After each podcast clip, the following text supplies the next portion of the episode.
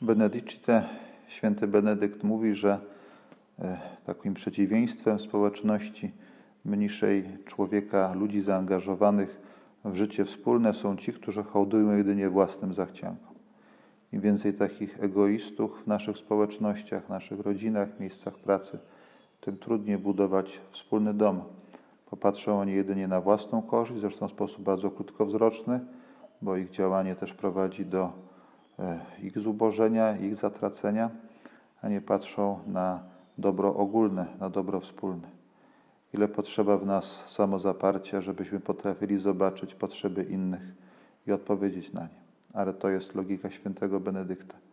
Myślmy o wspólnocie, myślmy w sposób bratni, myślmy o bliźnich. To jest myślenie chrześcijańskie.